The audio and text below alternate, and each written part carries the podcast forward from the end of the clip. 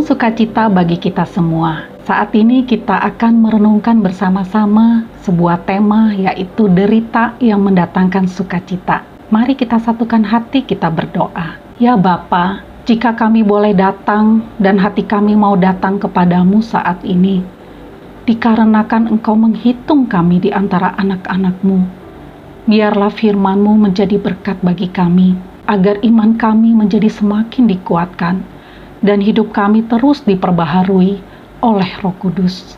Demi nama putramu, Yesus Kristus kami berdoa. Amin. Mari kita sama-sama membaca Daniel pasal yang ke-6 ayat 26 hingga ayat yang ke-28 sebagai dasar perenungan kita pada saat ini. Demikian bunyi firman Tuhan.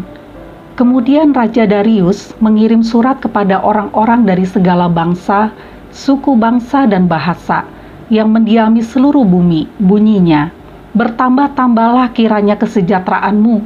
Bersama ini kuberikan perintah bahwa di seluruh kerajaan yang kukuasai orang harus takut dan gentar kepada Allahnya Daniel, sebab dialah Allah yang hidup, yang kekal untuk selama-lamanya.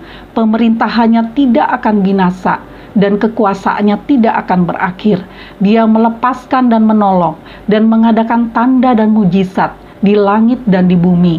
Dia yang telah melepaskan Daniel dari cengkeraman singa. Sampai sedemikian jauh pembacaan firman Tuhan. Bapak Ibu Saudara yang dikasih oleh Tuhan, di balik surat yang dikeluarkan oleh Raja Darius ini, terdapat suatu kisah derita sang raja dan Daniel yang sangat menarik untuk kita renungkan bersama. Raja Darius tidak menyadari bahwa titah yang dikeluarkannya merupakan hasil perundingan jahat para pejabat tinggi dan wakilnya yang ingin menyingkirkan Daniel dari pemerintahannya. Daniel itu merupakan pribadi yang paling dipercaya oleh raja dan yang juga sangat dikasih oleh raja. Dalam titah yang menurut undang-undang orang media Persia tidak dapat dicabut kembali oleh siapa pun, bahkan termasuk oleh raja, disebutkan bahwa barang siapa yang dalam 30 hari menyampaikan permohonan kepada salah satu dewa atau manusia kecuali kepada raja, maka ia akan dilemparkan ke dalam gua singa. Bagian ini dapat kita baca pada pasal yang ke-6 ayat 1 sampai 10, ayat 13 hingga ayat yang ke-14. Para petinggi di kerajaan Raja Darius tahu bahwa Daniel memiliki kebiasaan berdoa kepada Allahnya dan mereka memakai hal ini untuk menjebaknya. Dan Raja terjebak dalam titahnya sendiri dan menderita karena perkara ini. Hatinya menjadi sangat sedih.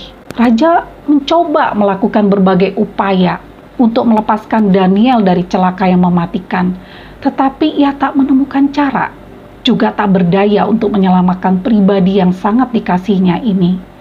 Di tengah kondisi yang serba buntu ini, Raja menaruh harapan kiranya Allah yang disembah Daniel dengan tekun itu dapat melepaskannya dari singa-singa tersebut. Bagian ini dapat kita baca pada Daniel pasal yang ke-6 ayat 15 hingga ayat yang ke-19. Di sisi yang lain, Daniel juga menghadapi derita akibat dijebak melalui tita raja tersebut dengan menyerahkan perkaranya melalui doa dan permohonan kepada Allah. Penyerahan diri total memang telah menjadi pola hubungannya di hadapan Allah selama ini. Hal tersebut dapat kita lihat pada Daniel 6 ayat 11 hingga ayat yang ke-12. Bapak Ibu Saudara yang dikasih oleh Tuhan, derita yang dialami keduanya tentu menimbulkan ketidaknyamanan dalam diri mereka. Tetapi hasil akhirnya adalah sukacita besar sebab Allah sangat dimuliakan melalui rangkaian kisah derita mereka.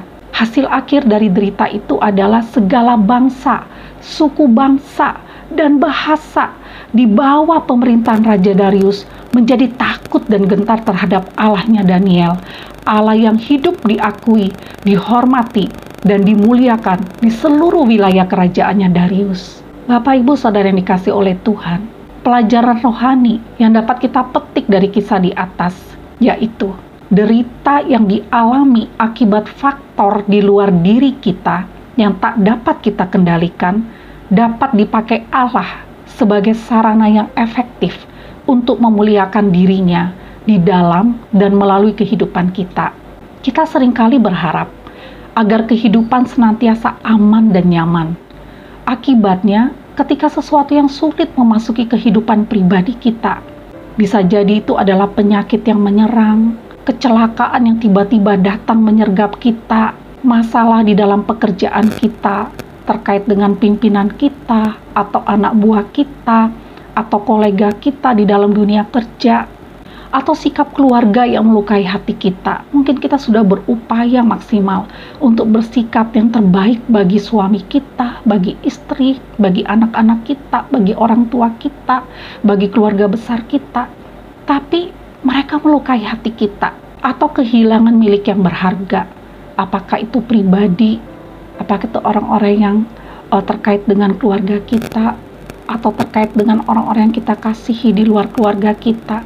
kita mengalami kehilangan, atau mungkin itu harta milik benda yang berharga, dan kita harus kehilangan itu karena situasi dan kondisi yang mengharuskan kita melepaskannya, atau bisa jadi derita akibat diperlakukan tidak adil oleh rekan kita, oleh teman kita, oleh sahabat kita, orang-orang di sekitar kita. Kita mungkin difitnah, hal-hal yang tidak benar dikatakan kepada kita sehingga kita mengalami kesulitan akibat semua itu segala hal ini bisa membuat kita akhirnya menilai Allah berlaku tidak adil dalam hidup kita.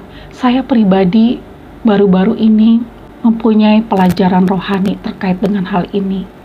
Tuhan mengizinkan saya dan salah satu anak saya di rumah bersama harus mengalami penderitaan. Kami berdua selama ini menggumuli supaya anak saya itu bisa masuk ke salah satu perguruan tinggi melalui jalur beasiswa. Segala persiapan sudah kami lakukan jauh-jauh hari. Selama tiga tahun, anak saya itu berada di rumah bersama. Sampai tibalah hari di mana anak saya harus mengikuti tes, mengikuti tes secara online. Yang lainnya mengikuti tes yang sama dan tidak ada masalah. Tetapi ketika giliran salah satu anak saya ini tiba-tiba terjadi gangguan secara teknis dan itu bukan dari pihak kami, tapi dari pihak universitas yang menyelenggarakan tes secara online tersebut. Dan itu di luar pemikiran kami, di luar kendali kami. Akibatnya, karena masalah teknis di luar kendali ini, anak saya didiskualifikasi dan tidak bisa diterima di universitas tersebut. Kami berdua sangat sedih karena apa yang sudah kami gumulkan dan rencanakan selama ini tidak terjadi, dan juga bingung apa yang harus kami lakukan ke depan, karena itu merupakannya satu-satunya harapan kami selama ini agar anak saya bisa diperlengkapi lebih lanjut sebelum dia kembali ke ladang misi di antara suku Jawa Banyumasan. Ada beberapa alternatif yang bisa kami lakukan. Sebetulnya salah satunya mencari tempat lain yang juga memberikan beasiswa atau mencari jalur lain, uh, jalan pintas melalui lobi-lobi tertentu sehingga anak saya bisa mengikuti tes ulang dan kemudian diterima di tempat tersebut. Tapi setelah kami memikirkan berbagai kemungkinan itu, saya juga minta nasihat dari sahabat rohani saya. Kami sampai pada satu kesimpulan, Tuhan mengizinkan anak saya untuk mengalami hal ini bukanlah suatu peristiwa kebetulan, tapi Tuhan sedang ingin melakukan sesuatu yang indah. Tuhan punya rencana yang lebih sempurna, dan rencananya itu Dia mungkin saat ini belum beritahukan kepada kami. Tetapi satu saat di masa yang akan datang, kami berdua akan tahu bahwa di balik masalah yang di luar kendali diri kami ini, Tuhan akan sangat dipermuliakan melalui derita yang anak saya alami.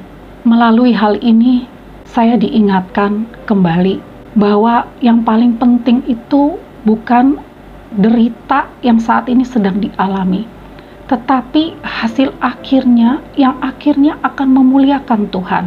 Sehingga saya berkata kepada anak saya bahwa jika memang apa yang dia dan saya alami saat ini bisa mendatangkan kemuliaan yang lebih besar bagi Allah, maka kita harus taat di dalam situasi dan kondisi yang Tuhan izinkan terjadi saat ini. Bapak, Ibu, Saudara yang dikasih oleh Tuhan, kehidupan sesungguhnya dirancang sebagai serangkaian kesempatan untuk mencerminkan kemuliaan Allah. Sebenarnya itulah tujuan hidup kita.